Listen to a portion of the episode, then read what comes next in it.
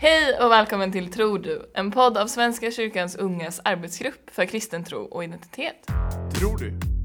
Det tror du? Tror du? Det tror du? Amen. Jag heter Johanna och med mig har jag Matilda. Oskar. Nicole. Och Samuel. Woo! och vi är live från Uppsala.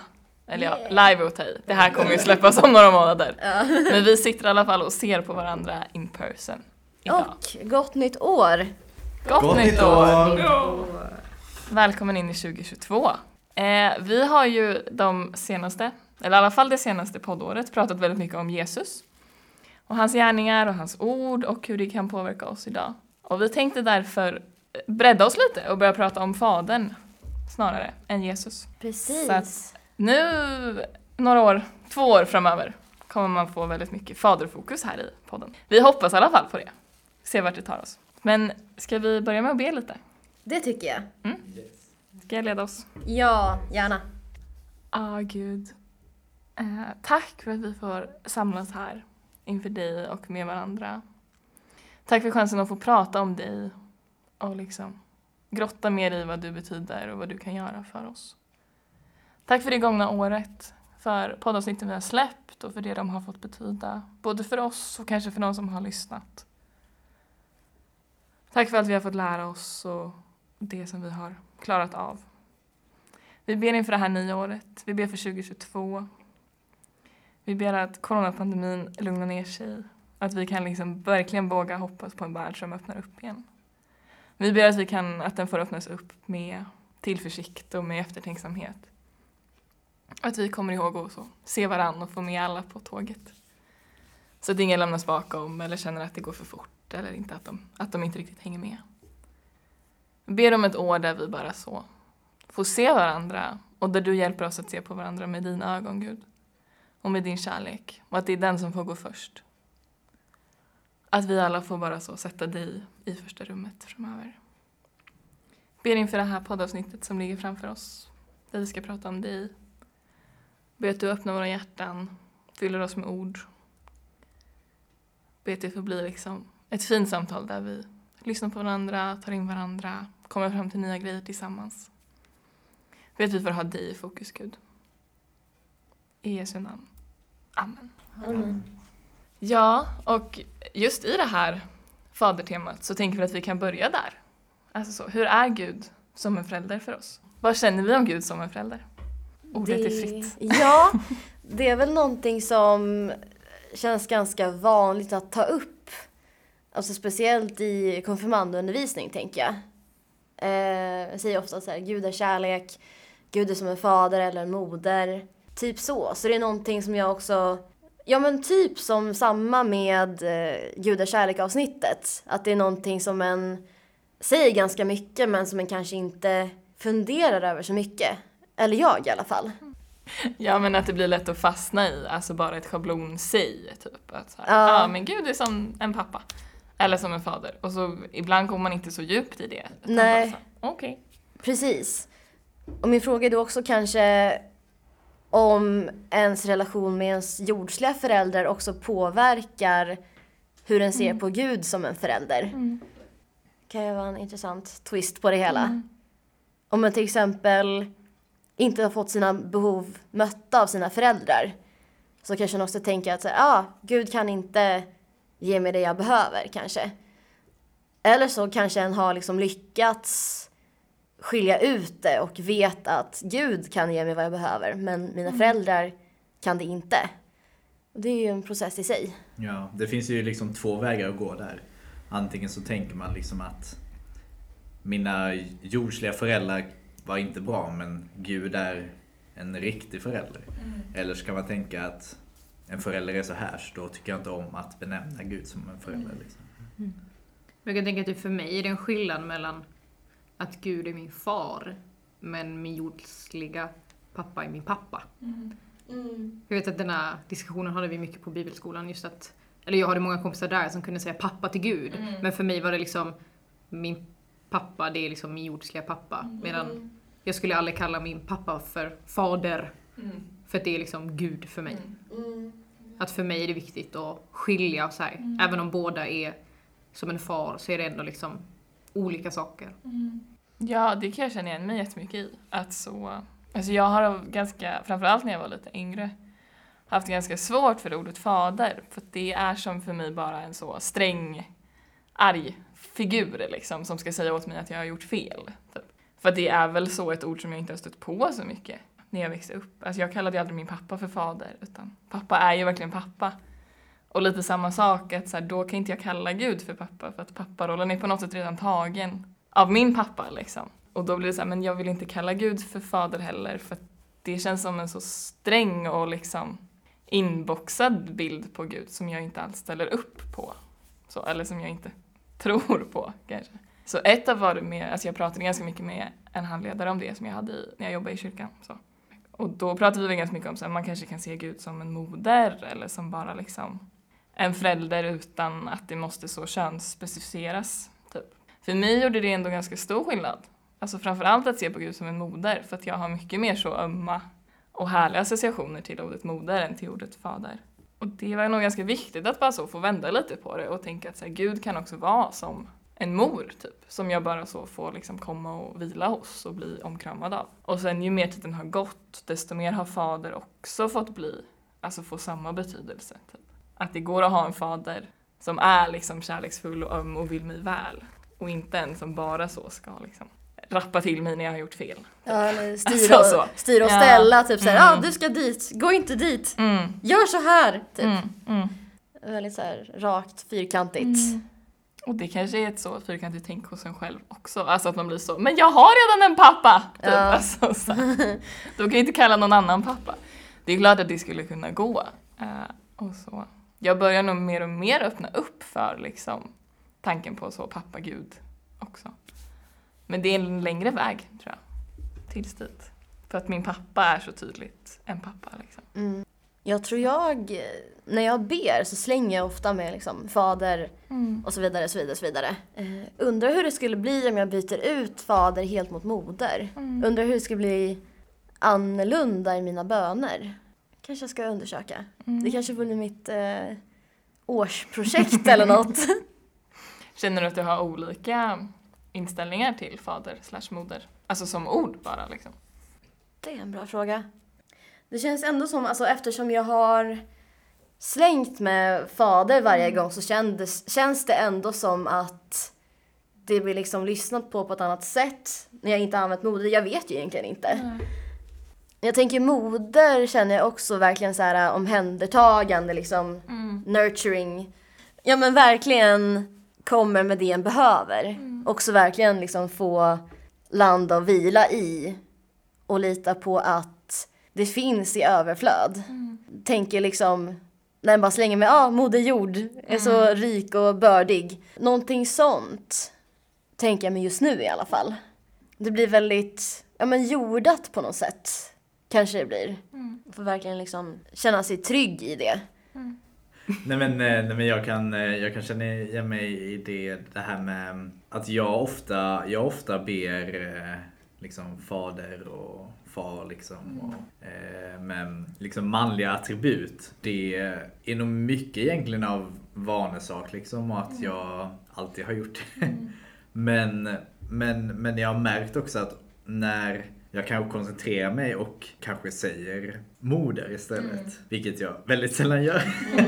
Men om jag skulle göra det, eh, eller om jag bara skulle tänka så istället. Så blir det på något sätt som du också Johanna säger, att, att det blir något, eh, nej men de här moderliga attributen liksom. Att, eh, att man bara oj, nej men. För jag kan också, eller i alla fall när jag var yngre, så, så var jag väldigt så här, oj, Gud är sträng och han vill det här och det här. Och sen så när man tänker, eller när jag tänker i alla fall på Gud som mer en mor kanske, så skulle jag kanske tänka mer någon som säger så här ska du göra men det är okej att du misslyckas på något sätt. Och jag tänker, nej men, nej men eh, jag tänker att det är väldigt viktigt Matilda.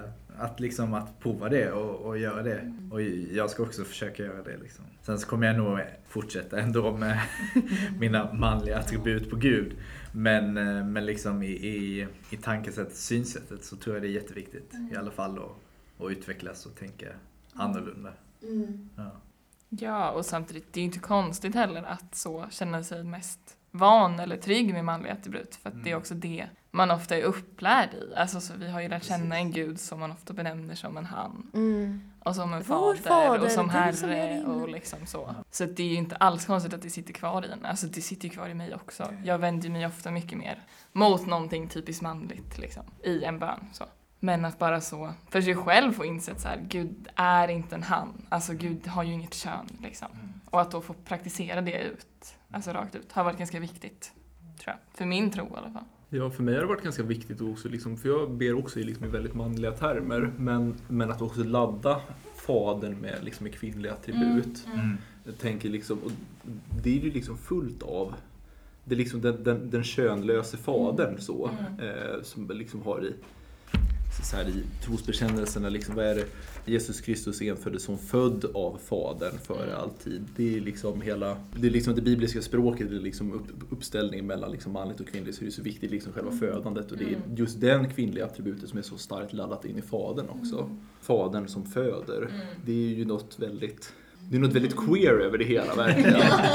eh, mi- minst sagt verkligen. Som jag, jag tycker det, och jag tycker det blir ganska starkt också. Mm.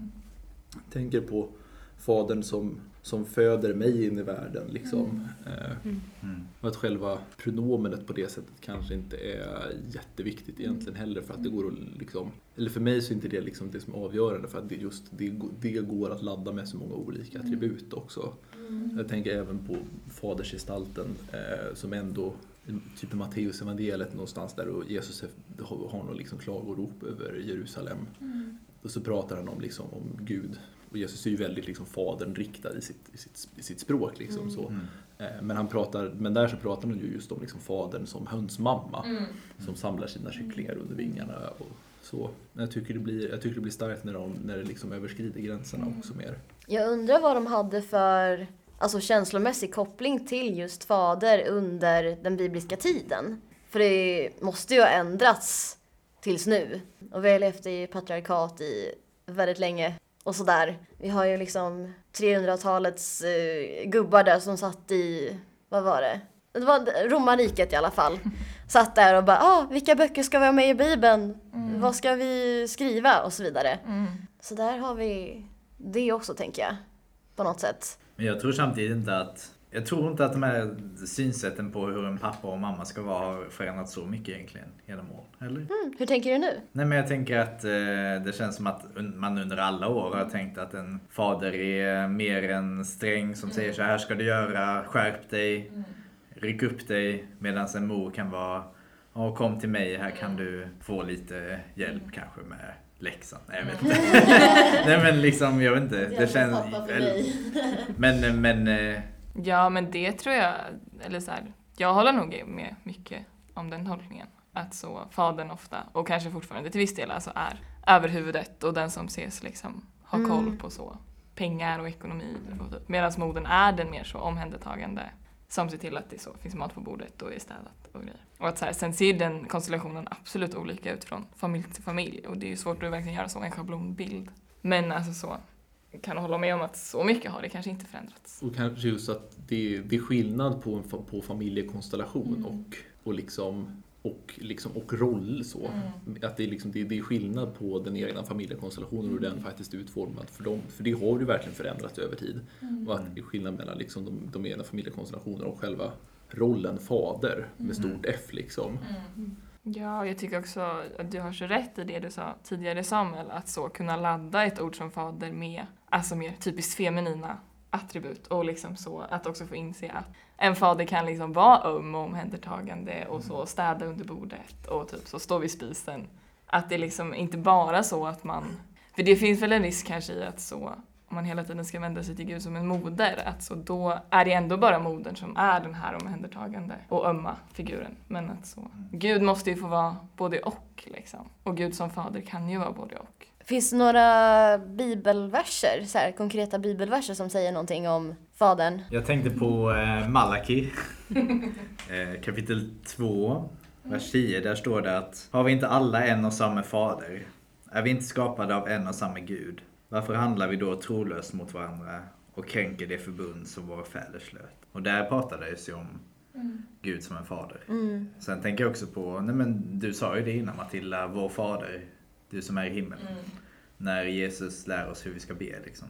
Så där talas det också om en fader. Men som till exempel som Samuel sa om det här med hönsmamman som samlar. Så det finns ju många olika. Har ni några andra exempel? Ja, vi har ju lilla bibeln, Johannes 3.16. Så älskade Gud världen att han gav den sin enda son för att världen inte skulle gå under utan ha evigt liv. Ja. Och då har vi också att Gud ger sin son. Och hur kan det finnas en son utan en far? Mm. Eller en mor?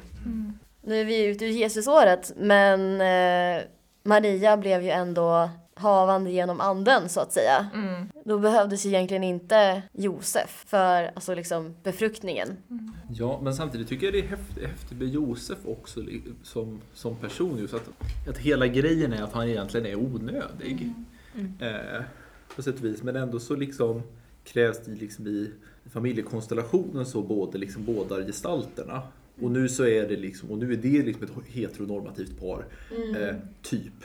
Eh, det beror väl också på, liksom, tittar man på så här, deuterokanoniska texterna som eh, vad är det, Jakobs protoevangelium som är någon så här förförklaring så, så är ju inte det liksom ett helt vanligt äktenskap heller utan grejen med Josef är att han är liksom gammal och har haft fru tidigare och liksom har barn sedan tidigare och är bara någon slags han blir liksom bortgift i henne bara för att hon behöver ha en man men inte för att det ska liksom komma några barn ur det här heller för att han är färdig med det också.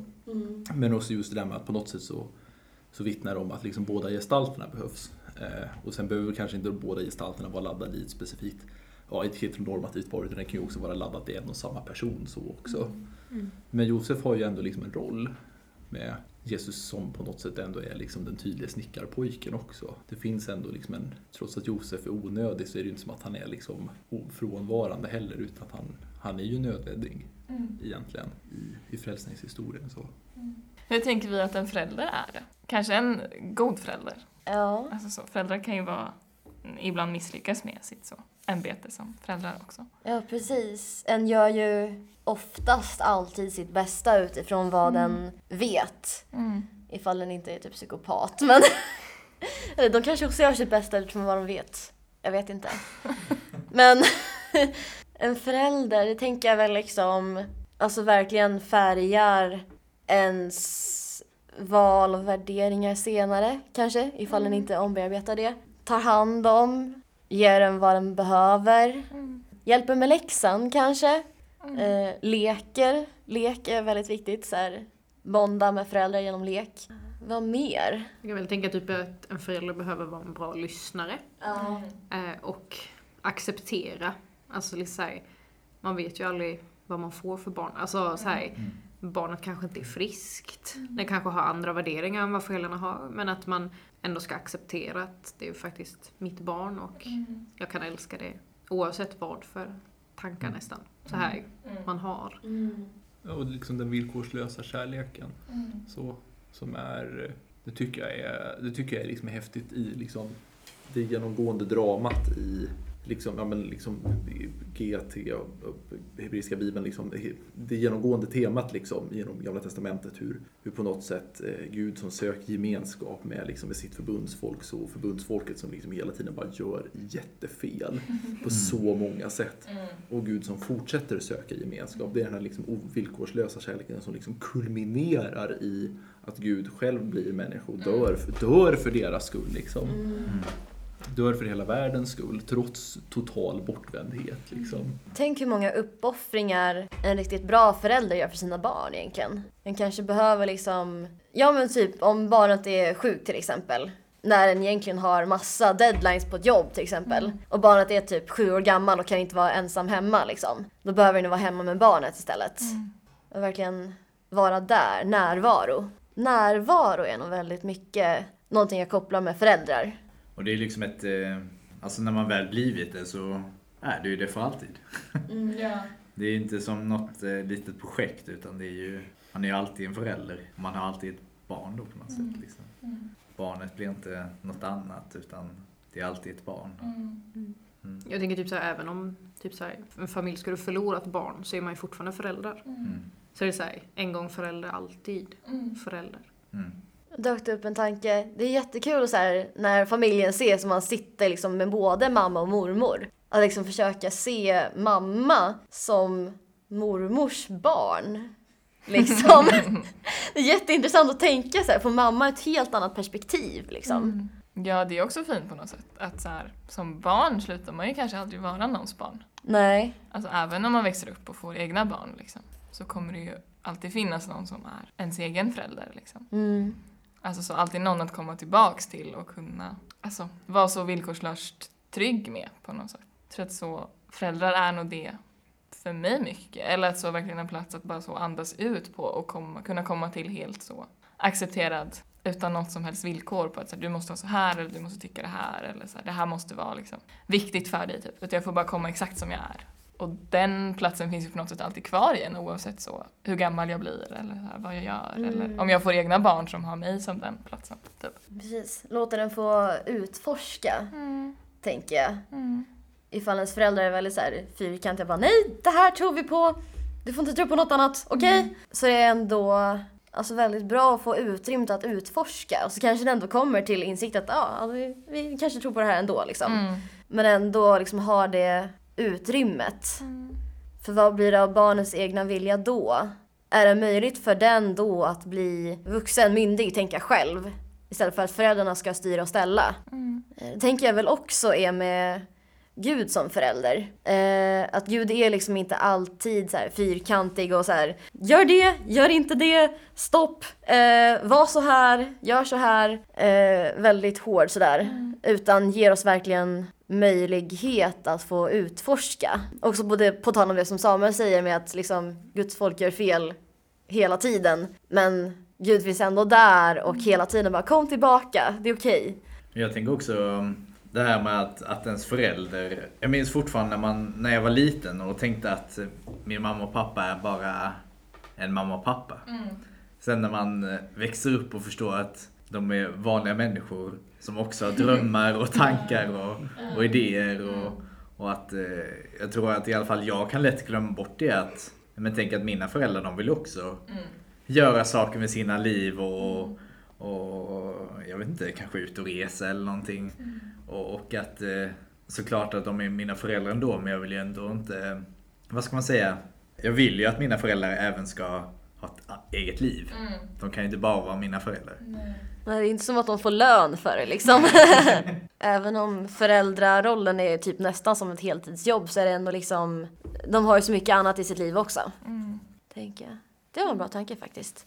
Sa du det till dig själv nu? Ja, jag sa det till Oskar också, det här med att liksom verkligen bredda perspektivet på sina egna föräldrar. För det, det kan jag också tänka, liksom, Gud har väl också drömmar. Det Gud vill med sin skapelse på ett sätt. Ja, och det Gud tänker med alltså var och en av oss. Liksom. Mm. Och hur vi ibland är olika snabba på att liksom, haka på den planen. Alltså, jag tänker, ofta springer man ju kanske runt och är så nej men jag ska testa det här nu faktiskt, det har jag bestämt mig för. Ja. och så blir man så varsamt kanske ibland kallad tillbaks. Eller så här. Jag tror att du kanske ska vara här istället. Men också, ja absolut, det du säger Matilda, att man kan ju koppla det här till Gud, tänker jag att, att Gud är ju en egen person på ett sätt. Gud är ju inte den jag skapar Gud till egentligen, utan jag kan skapa mig en bild av Gud, men jag kan inte skapa Gud. För Gud Nej. är ju Gud. Liksom. Det här är en bild av en pipa, det är inte en pipa. Ett viktigt attribut, för mig som liksom har blivit tydligt när, när jag flyttat hemifrån. För på något sätt så förändras väl ändå, föräldrarelationerna måste ju liksom förändras när man Ja. är det, fin- det är tydligt före och efter steg så. Och för, och för mig så är det väldigt viktigt med liksom min relation med mamman att, att det är relaterat till att det är alltid en plats jag kan komma hem till. Det här med ja, men liksom att komma hem, precis som det här med att du var inne på Matilda, det här med att man liksom kan ge sig ut och utforska. Men att hos, hos föräldern, och jag tänker väl att det precis sam- är samma sak med Gud, att Gud också är ett, ett hem att alltid återvända till också. Mm. Det finns liksom, på något sätt så är, och det, det tror jag liksom också har mycket med min liksom människoskapelsesyn, att på något sätt så är vi liksom skapade av Gud in i världen. Och att in the long run så finns det också liksom en tanke av återvändande hem också. Precis, är himlen vårt hem kanske? Eller någonting sånt. Bor vi egentligen i evigheten, även om vi är på jorden under en viss tid? Eh, Det var nu under allhelgona förra året som jag var på mässa för unga vuxna då. Alla stockholmare, eller ja, skuss, känner till ungefär kanske. Och då var det en präst som predikade just om evigheten. Att vi är del av det här som är så himla mycket större. Nu kommer jag inte exakt ihåg alla detaljer, men det var liksom, ja men att vi är del av evigheten och att liksom en människa som försvinner från jorden inte försvinner alltså helt utan den finns i evigheten. Så det var väldigt hoppfullt så på det sättet. Jag, jag har tänkt väldigt ofta, eller väldigt ofta. Jag tänker att, att, att jag är liksom, först och främst är jag ju Guds barn. Och sen så är jag, vad ska man säga? Jag vet inte om det låter flummigt eller inte låter flummigt, men jag har alltid tänkt på något sätt att jag är sen liksom tagen från och liksom satt in på jorden liksom. För jag menar mina dagar är ju redan planerade enligt Gud liksom. Och, och att jag är insatt då och jag har fötts upp i min jordsliga familj, jag vet inte vad man ska säga. Samtidigt såklart att, att min mamma och min pappa är min mamma och min pappa och att mina bröder är mina bröder. Men samtidigt är jag liksom på något sätt nej men så här, utanför tid och rum. Så är vi insatta i tid och rum. Och egentligen kanske vi är alla, vi är ju alla Guds barn liksom. Men vi är insatta i olika familjer och tidsepoker eh, enligt Guds plan och verk på något sätt. Så ytterst sett är jag ändå Guds barn, men jag är insatt i en verklighet där jag är nu, kanske. Förstår ni? Lät det jätterörigt? Nej, Inte alls. Su- superrimligt. Jag är helt med på tåget. Vad bra. Är någon mer som har någonting att säga? Det här ska bli jättekul att prata Fadern. Och det ska bli kul för oss att höra vad ni tycker om avsnitten och att ni kan komma med input och att ni kan komma med tankar och synpunkter och vad ni vill att vi ska prata om. Ja, Ja, jättegärna. Våra DMs är alltid öppna. eller hur? Mm, jag tänkte på en grej. Det kanske egentligen vi skulle ha tagit i julavsnittet. Men vill vi prata lite kort om så eventuella nyårslöften Ja. kopplade till tro? Jag kommer ihåg att mitt som jag hade nu eh, 2021 var ju typ att, ja men eh, våga ha lite helig vrede. Mm. Våga liksom stå upp för det jag tror på. Våga bli arg och säga ifrån ifall det skulle vara någonting som jag inte känner är rätt. Hur har det gått med det? Sakta men säkert har jag tagit lite baby steps känns det som. Så jag tror jag kommer fortsätta hålla mig till det. Tror jag. Ja, jag ska nog eh, fortsätta med mitt också kanske. Eller så här att, att eh, försöka närma mig Gud mer. Kanske läsa Bibeln mer regelbundet och sen försöka se på mina medmänniskor med det ögon som jag tror att Gud ser på alla. Eh, försöka tolka istället för misstolka. Försöka mm, se det goda och inte det onda. Liksom. Se det, hur folk försöker och försöker. Som alla gör, tänker jag. Även jag. Ja. Ja, och vi måste ju inte heller så frasera det som nyårslöften. Alltså det kan ju vara grejer man hoppas på också Ja. inför. Eller så, vill ha mer av eller kanske vill ha mindre av. Och har man inget så då är det ju. Alltså året kommer ju liksom gå ändå. Och så här, vår tro kommer ju bestå. Oavsett vad vi lovar i den eller inte, tänker jag. Det kan ju vara fint med nyårslöften. Det kan ju också verkligen bara skapa en helt onödig press i en själv. Typ. Att så här, "Ja, nu är jag misslyckad igen då för att jag klarade inte det här som jag bestämde mig Det är också en så konstig grej egentligen med nyårslöften för att varför måste jag ha en dag om året när jag ska börja göra grejer? Varför kan jag inte bara, imorgon ska jag börja liksom? Men typ det är för att man gillar så, en tydlig omstart. Alltså det är så tydligt att det går från en grej till en annan. Ja, ja, Alltså så, siffrorna ändras. Ja. Och då är det nog lätt att alltså, fastna i det och bara nu ska jag också ändras och så, jag ska bli en Ja. ny version av mig själv. Och, Nytt år, nytt jag. Ja, alltså så. Man ändå fastnar i det. Vad tänker du då Johanna? Alltså jag har insett återigen att det är, det är så viktigt att få gå på gudstjänster. Att jag verkligen bara så, det är en så stor källa till liksom påfyllnad av tron för mig. Att så få verkligen vara i en kyrkbänk och så läsa en psalmbok och lyssna på predikan. Som jag inte har, för, först inte hade möjlighet till för att det var pandemi liksom. Och det här har vi pratat jättemycket om. Men, och alltså digitala gudstjänster i all ära, men det är ju liksom inte samma grej. Mm. Och sen när kyrkorna väl öppnades upp så var jag kanske inte jättebra på att så verkligen aktivt ta den tiden till Gud. Men jag vill väldigt gärna och jag hoppas väldigt gärna på att kunna alltså, få till ett regelbundet gudstjänstliv och verkligen regelbundet bjuda in Gud i mitt liv. Mm. Det hade varit väldigt fint. Ja. Mm. Älskar verkligen momentet när liksom efter Kyrie, Herre förbarma dig, alla ställer sig upp och stämmer in i en lovsång. Jag får Mm. liksom rysningar varje gång. Mm. Så himla härligt. Så det är verkligen någonting som kommer med att vara i liksom, det fysiska Mm. kyrkrummet Precis. tillsammans Ja. med många andra och så kanske en orgel, Mm. piano eller vad den är som finns. Mm. Ja. Det blir så tydligt då att vi är liksom del av något stort tillsammans. Mm. Så. Vi är, det är en stor familj liksom som bara kommer samman. Mer sånt vill jag. Och jag ska väl jobba för att det ska bli mer sånt i mitt liv också. Tänker jag. Vad har vi pratat om? Ja, vi har pratat om föräldrar, eller syn på föräldrar och hur vi kan koppla det till hur Gud är en förälder för oss. Olika inställningar och känslor inför mad, mader. Inför moder versus fader. Eh, manliga attri- attribut, kvinnliga attribut och så vidare. Ja. Det är så. Mader! Det är verkligen Gud som en mader. Vi Mader! börjar säga det istället. Madre. Mader vår. Mader! ja, det skulle vara jättekul. Vi vill alltid hitta ett hem i fadern. Lite, lite kort om så nyårslöften och vad man vill ha mer av. Det är kanske det. Amen. Ska jag be lite? Ja. Tack Fader för det här samtalet. För den här podden. För den här tiden. Tack för att vi får prata om dig. Tack för att vi alltid får komma hem till dig. Tack för att du liksom öppnar dina armar för oss. Ber inför det som ligger framför oss nu. Inför ett nytt år. Eh, Du ser alla som så sätter upp mål och tankar och förhoppningar inför det här nya. Jag ber att du bara är med dem i så, uppfyllandet av målen, men också i bara kramen som behövs när man kanske inte klarar sitt mål eller känner att man måste avbryta det. Be att du bara, bara så omfamnar oss hela det här kommande året och hjälper oss att se på varandra med din kärlek. Och så ber vi, Gud som haver barnen kär. Se till mig som liten är, vart jag mig i världen vänder, står med lycka i Guds händer.